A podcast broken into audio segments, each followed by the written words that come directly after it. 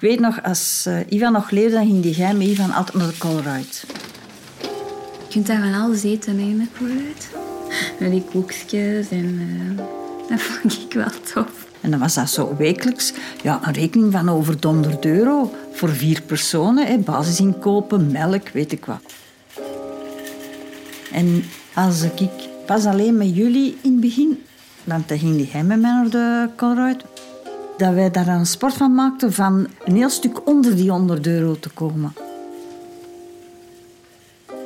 Ik had een lijstje gemaakt van voilà, moet met zoveel toekomen. Wat kosten allemaal de posten? Verzekeringen, school, eventueel dokter, je moet snel een apotheker. Allee ja, ik had er een lijst van gemaakt. Dus ik wist, voor voeding en zo mochten we maar zoveel opdoen. op den duur was dat een ingesteldheid. En ik denk dat dat er op den duur ook in zit voor de rest van je leven. Dit is Moeders ten Laste. Een podcast van Radio 1 over de pensioenkloof tussen alleenstaande vrouwen en hun vroegere echtgenoot. Dus, mama? Ja. Ze worden geïnterviewd door hun kinderen. Er staan hier allemaal vragen op een papier. Ik ga die één voor één stellen en jij moet daar dan een antwoord op proberen formuleren. Commentaar professor Ria Janvier. Ik ben verbonden aan de faculteit Sociale Wetenschappen van de Universiteit Antwerpen.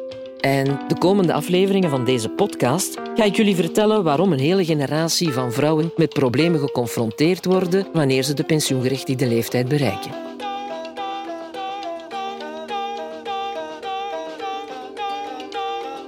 Aflevering 2.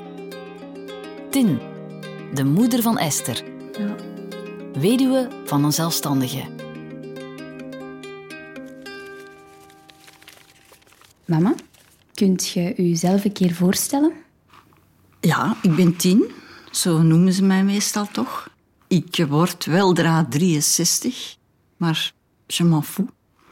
Ik woon in een huis, ik heb een auto met vier wielen. Ik schilder en ik teken. Ik ben weduwe. Ik ben meter 65. En uh, ik heb twee kinderen. Ze zeggen dat een vrouw vanaf haar 25 op haar moeder begint te lijken. Dus ja, ik heb die leeftijd bereikt en nu zeggen veel mensen dat ik op mijn mama lijk.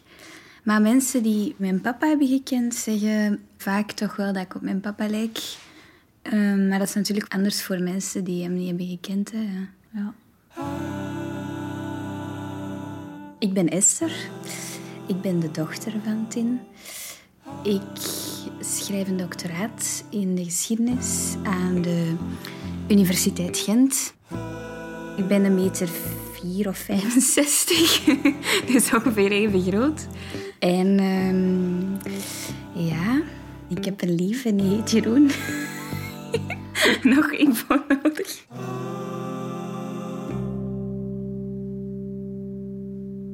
Wat was uw eerste job? Ik heb een graduaat in de logopedie gedaan. Dat was toen vrij nieuw, dat beroep. Ik heb dan meegedaan aan een examen voor het Stad Antwerpen, voor het OCMW. En uh, ik was geslaagd, ik mocht daar beginnen. Maar uh, ik vond het daar niet zo fijn. Op dat moment, met dan mijn ontslag te geven, ja, dan stond ik op straat, had ik niks. Hè. Dan kon ik ook niet gaan stempelen, omdat ik zelf ontslag had gegeven. Dus dan ben ik zo'n tijd, heb ik allerhande jobs gedaan. In een winkel gewerkt, in een crocanterie, op de Nuurdersbond. Ondertussen had ik dan Ivan, de papa van Esther, leren kennen. En um, ja, op dat moment had ik beslist van mee in de zaak iets te willen doen. Misschien meer als administratief bediende, omdat er toch wel wat creatieve aspecten aan dat bedrijf verbonden waren. Dus uh, ben ik mee in dat bedrijf gaan werken. En dan, uh, als dan de kinderen geboren zijn, had ik beslist, ik blijf vijf jaar thuis bij de kinderen. Omdat ik dat eigenlijk echt wel heel belangrijk vond. Ten meer omdat dat eigenlijk ook allemaal niet zo van een lijn dakje gelopen is met zwanger worden. Ik had er alles voor over voor het beste te doen voor die kinderen. Dus ik wou er fulltime bij zijn, geen uh, opvang en zo. En dan moesten wij wel een financieel een stapje terugzetten. Wij huurden toen ook nog een woning, dus ja. Voilà. Ik ben daar nog altijd heel blij mee dat ik dat gedaan heb.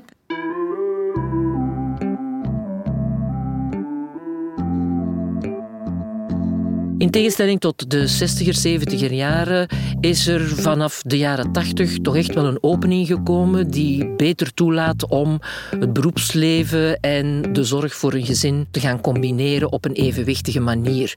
Tin en haar loopbaanonderbreking, dat is een van de eerste maatregelen geweest waarbij men echt toelaat om ofwel de arbeidsprestaties te verminderen tot een vijfde, tot de helft of zelfs helemaal de loopbaan te onderbreken. Dat is dan een pak beter natuurlijk dan de bescherming die je geniet als huisvrouw, want dan bouw je totaal geen rechten op. In geval van loopbaanonderbreking ga je eigenlijk ook wel pensioenrechten blijven opbouwen.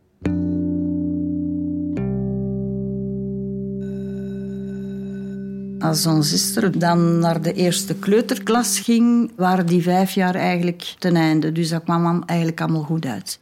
En hoe oud werd je toen? En je was drie toen je naar school bent gegaan. Dus uh, 43. En daarna ben ik terug in de zaak beginnen werken, part-time. Misschien kun je vertellen waarom je precies ervoor hebt gekozen om part-time te gaan werken en niet fulltime? Omdat ik eigenlijk zoveel mogelijk jullie zelf wou uh, opvoeden en voor thuishouden zorgen. En uh, ik deed dat ook heel graag eigenlijk. Dus, uh, en wij konden financieel net rondkomen als ik parttime zou werken. Omdat we geen al te hoge huishuur hadden ook niet.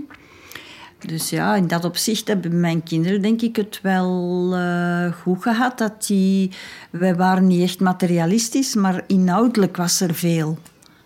Ze speelden muziek en er waren goede vrienden en er waren gezellige feestjes en goede contacten en veel vriendinnetjes die kwamen spelen en er werden pannenkoeken gebakken. Oh, je moest geen zeven paar schoenen hebben hè, voor de kinderen. Dat was niet zo belangrijk. Het gebeurt vaak dat vrouwen na een periode van beroepsloopbaanonderbreking er bewust voor kiezen om parttime te gaan werken, om beroepsleven te combineren met de zorg voor ouder wordende kinderen en ook puberende kinderen. Het wordt natuurlijk moeilijker als er onvoorziene omstandigheden zijn en dan liggen de kaarten vanzelfsprekend anders. Wij zijn heel veel met ziekte geconfronteerd geweest. Voor ons was dat eigenlijk, ja, dat kwam erbij. Maar dat is niet zoiets dat wij ons er volledig hebben daardoor laten omverblazen of zo. Het lag niet in mijn aard en ook niet in Ivan zijn aard, want dat was eigenlijk ook een hele sterke mens. Op een bepaald moment heeft Ivan een beetje bloed opgehoest. Uh, is naar een longspecialist gegaan. Uh, na veel onderzoeken. Ja, longkanker. En de uitzaaiing zit voor een stuk in het mediastin. Dus ik heb voor u een zeer slechte diagnose, want we gaan niks kunnen doen. Maar omdat wij alle twee zo'n doorduwers waren, hebben wij direct stappen ondergenomen en wij hebben gedacht van dat kan niet, dit kan niet de ultieme diagnose zijn. En dan zijn we beland bij professor Van Schil. Die heeft gezegd van, ik ga nu wel opereren. De operatie was goed gelukt. En dan uh, had ze gezegd, als het na vijf jaar niet terugkomt, zei hij gewoon. En het vijfde jaar gaan we terug op controle. En ze zagen dus een klein, klein stukje van een millimeter terug achter het littekenweefsel in die long zagen ze terug kwaadaardige cellen. En een plek waar dat ze al eens geopereerd hebben. Kunnen ze niet nog eens snijden. Dus er kon operatief niks meer gebeuren. Plus dat ze ook een heel klein uitzaaiingsje gezien hebben in de lever. En de lever is een, een heel lastig en slecht orgaan in je lichaam om daar kwaadaardige cellen te hebben. En dan ja, hebben ze gezegd vijf jaar. En dat was exact vijf jaar. En hoe zijn jullie dan als koppel met dat nieuws omgegaan? Tuurlijk zijn van je sokken geblazen hè, als je dat nieuws krijgt. Dan stort er wel even in, maar Ja, die kinderen zijn er ook. Hè. Je, je, je moet gewoon voort. Het leven gaat verder, je hebt geen keuze. Dat is vaak de kritiek dat je krijgt van mensen die, die nog nooit niks echt heel ergs of zo hebben meegemaakt. Die zeggen van, maar ik zou dat niet aankunnen. En dan zeg ik, ja, maar je hebt geen keuze. Je moet het aankunnen.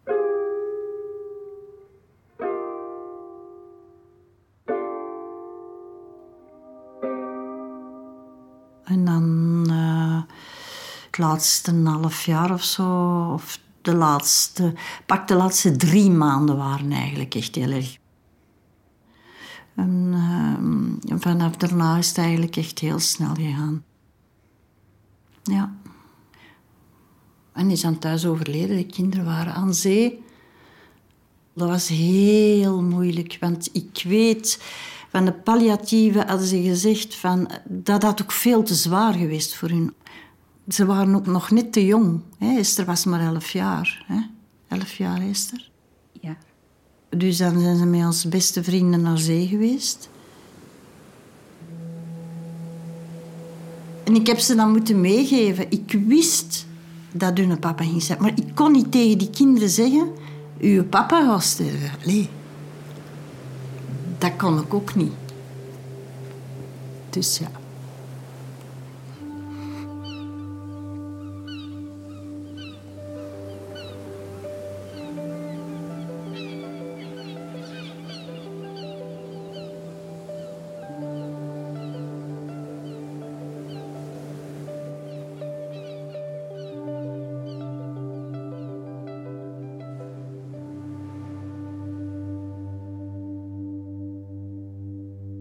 Dat is eigenlijk, als je puur op jezelf zei als gezin, is dat niet zo raar, omdat je went daar eigenlijk verdacht snel aan. Je pikt eigenlijk... Mama was daar ook wel echt een trekker in, omdat zij dat plichtsbewustzijn had of zo. Dat je wel moet om verder te gaan. En je moet terug naar school en je moet terug in haar geval gaan werken. En ja, voordat je het weet, zijn we wel terug gewoon in een routine die heel normaal aanvoelt. Maar natuurlijk, vanaf je dan ergens thuis komt, bij een vriendin of um, later bij je lief of zo, het is dan pas in vergelijking dat je wel merkt van, ah ja, dat je dat, of dat ik dat toch het hardste voelt dat ik geen papa heb.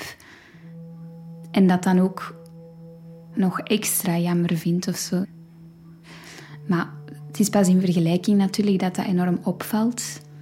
Mensen vragen klassiek, en wat doen uw ouders? Of um, ja, dan moeten we natuurlijk wel altijd zeggen, ah ja, maar um, mijn papa is gestorven. En het is op zo, van die kleine momenten voel, voel ik dat wel het hardste. Of zo. Of dan krijg je zo'n meelijwekkende blik. Dat is normaal. Um, maar dan besef ik terug van, ah ja, dat is niet normaal. En mijn leven had wel anders geweest of zo als dat niet was gebeurd.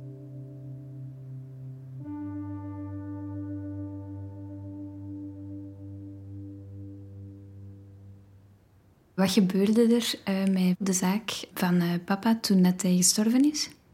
Ja, die zaak die bleef gewoon bestaan. En de zakenpartner, ik had hem ervoor eigenlijk een evenwaardige zaakvoerder waren ze. Die zijn gewoon verder gegaan, alleen.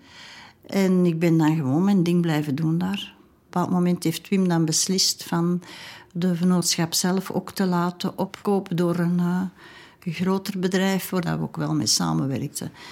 En dan heeft het, op die moment hebben ze mij dan ontslagen, omdat het werk dat ik deed, daar was al iemand voor in dat groter bedrijf.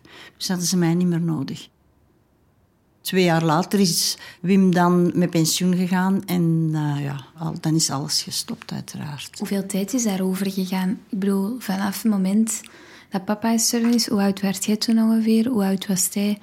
En um, hoeveel jaar heeft het dan nog geduurd voordat Vertigo is overgenomen door dat andere bedrijf? Ja, ik was, uh, ik denk 48,5 als Ivan gestorven is. En uh, ik denk dat dat al bij al dan nog een jaar of vijf geduurd heeft. Eer dat ik echt ontslagen ben geweest. Ja. Dus Tin is dan ook nog ontslagen. Dat is helemaal niet eenvoudig, maar naar de sociale zekerheid toe kon ze dan wel rekenen op een werkloosheidsuitkering. Maar tegelijkertijd ook op een overlevingspensioen. En hierbij wil ik wel vermelden dat een werkloosheidsuitkering en een overlevingspensioen niet cumuleerbaar zijn. Dus je zal moeten kiezen tussen één van beide. Een overlevingspensioen dekt eigenlijk het risico overleven. Dat betekent dat een overlevingspensioen zal toekomen aan de echtgenoot die overleeft.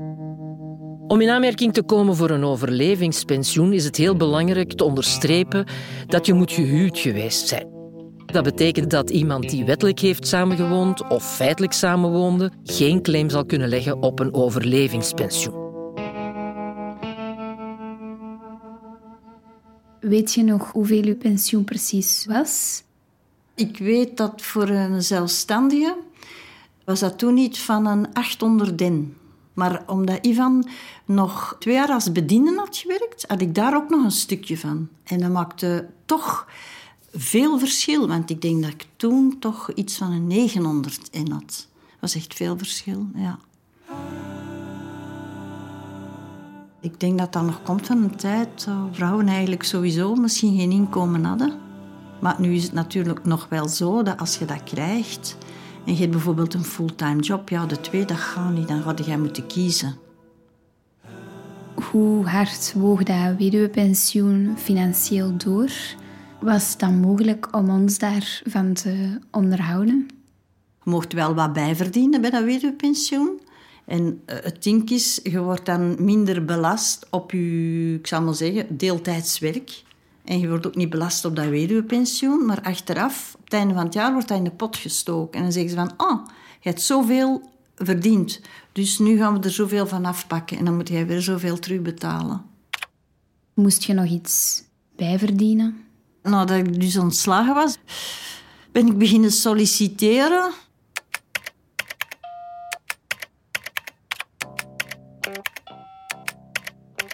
Ik heb heel veel gesolliciteerd. Oh, in scholen, van alles. Als uh, ja, allround secretariaatsbedienden. Omdat als echt logopedisten om daar terug te gaan werken, had ik eigenlijk terug moeten beginnen studeren. Dat was te moeilijk geweest. Ik heb er zelfs amper reactie op gekregen. En uiteindelijk ben ik dan zo beginnen werken met dienstenchecks in een gezin. Tien uur per week als um, ja, huishoudelijke hulp eigenlijk. Ja. Ondertussen doe ik dan nog altijd, maar ondertussen heb ik mij ook aangesloten bij een interimbureau. En uh, via dat interimbureau krijg ik dan zo uh, bijna wekelijks aanbiedingen om bijvoorbeeld een dag te letten op een ziek kind. Maar uh, op die manier kan ik toch een beetje bijverdienen altijd, hè, bij mijn weduwepensioen.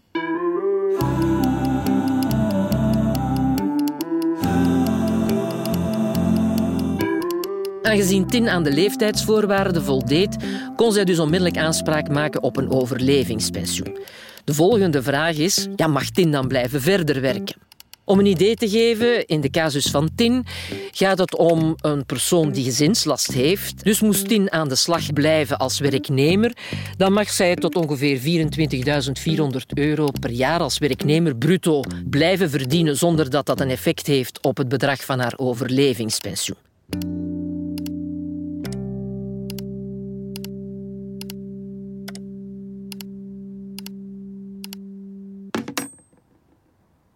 Stel, ik krijg kinderen en ik zeg dan... Zelf als ik dat echt heel graag wil, gewoon. Hè. Ik wil ook drie jaar of vijf jaar thuis zijn en huismoeder zijn. Ik denk dat van mijn generatie dat dat meteen dan ook als iets negatiefs gezien wordt. Van, er zal wel een reden zijn, een negatieve reden waarom je dat doet. Of je kind is ziek, of je kunt niet werken, of je zei...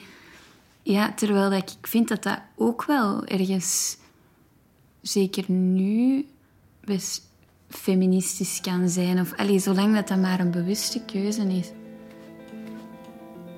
Ik weet niet, als ik een andere carrière had gehad, ik kan ik niet met zekerheid zeggen dat ik diezelfde keuze zou gemaakt hebben. Waarmee dat ik wil zeggen dat mensen die echt een, een heel goede carrière hebben, en ik zou dat heel hard bij Esther ook stimuleren, van, want dat merk ik nu wel. Nu heb ik, soms als ik dan nu in die gezinnen werk en moet er staan strijken, dan denk ik van, oh, had ik dan toch maar meer zoiets uh, kunnen terugvallen als de kinderen dan uit thuis zijn op iets dat je als job echt heel graag doet. En dat is ook belangrijk. Dat je als je kinderen uit thuis zijn terug iets kunt doen waar je je goed bij voelt. Want dat is... Allez, een werk hebben dat je graag doet is ook heel, heel, heel belangrijk. En dat is nu anders gelopen, ook door omstandigheden. Maar daarom dat ik dat ook wil benadrukken voor mijn kinderen, dat dat heel belangrijk is als ze iets gaan kiezen als job dat ze echt heel graag doen. Ik denk wel uh, dat dat als vrouw ook echt heel belangrijk is. Waarom zeg je specifiek vrouwen? Omdat, uh, ik zeg het, mijn ouders was nog zo de het klassieke patroon dat de vrouw toch eigenlijk thuis bleef. Wij zijn eigenlijk de eerste generatie van vrouwen die ook al uit huis gingen werken. Ik ben zo een tussengeneratie. Maar jij bent nog een stap verder. Ja. En jij moet even goed de kans hebben. Ja, ik zie het nu even in het perspectief van de evolutie van hoe dat, dat gegaan is met vrouwen en met hun jobs. Daarom dat ik het ook zeg dat ik het belangrijk vind dat jij wel al uw kansen benut om uw carrière als vrouw. Als man is dat even belangrijk, maar nog even belangrijker nu als vrouw, omdat wij toch in een evolutie zitten. Ja, dat wel uitbouwt en alle kansen grijpt die je kunt grijpen. Dit was Moeders ten Laste, een podcast van Radio 1. Commentaarstem professor Ria Janvier. Redactie, interviews en montage Justine Vergotte en Wederik de Bakker. Muziek Tim Liebaert. Eindredactie Hendrik de Smet.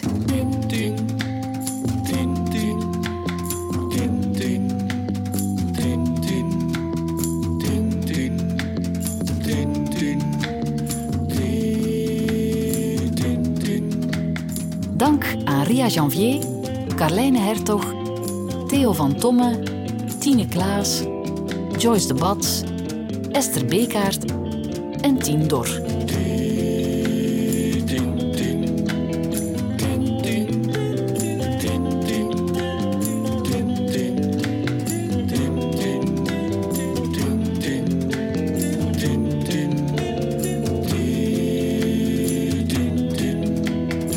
Ten Laste is een productie van Sonderland en Radio 1.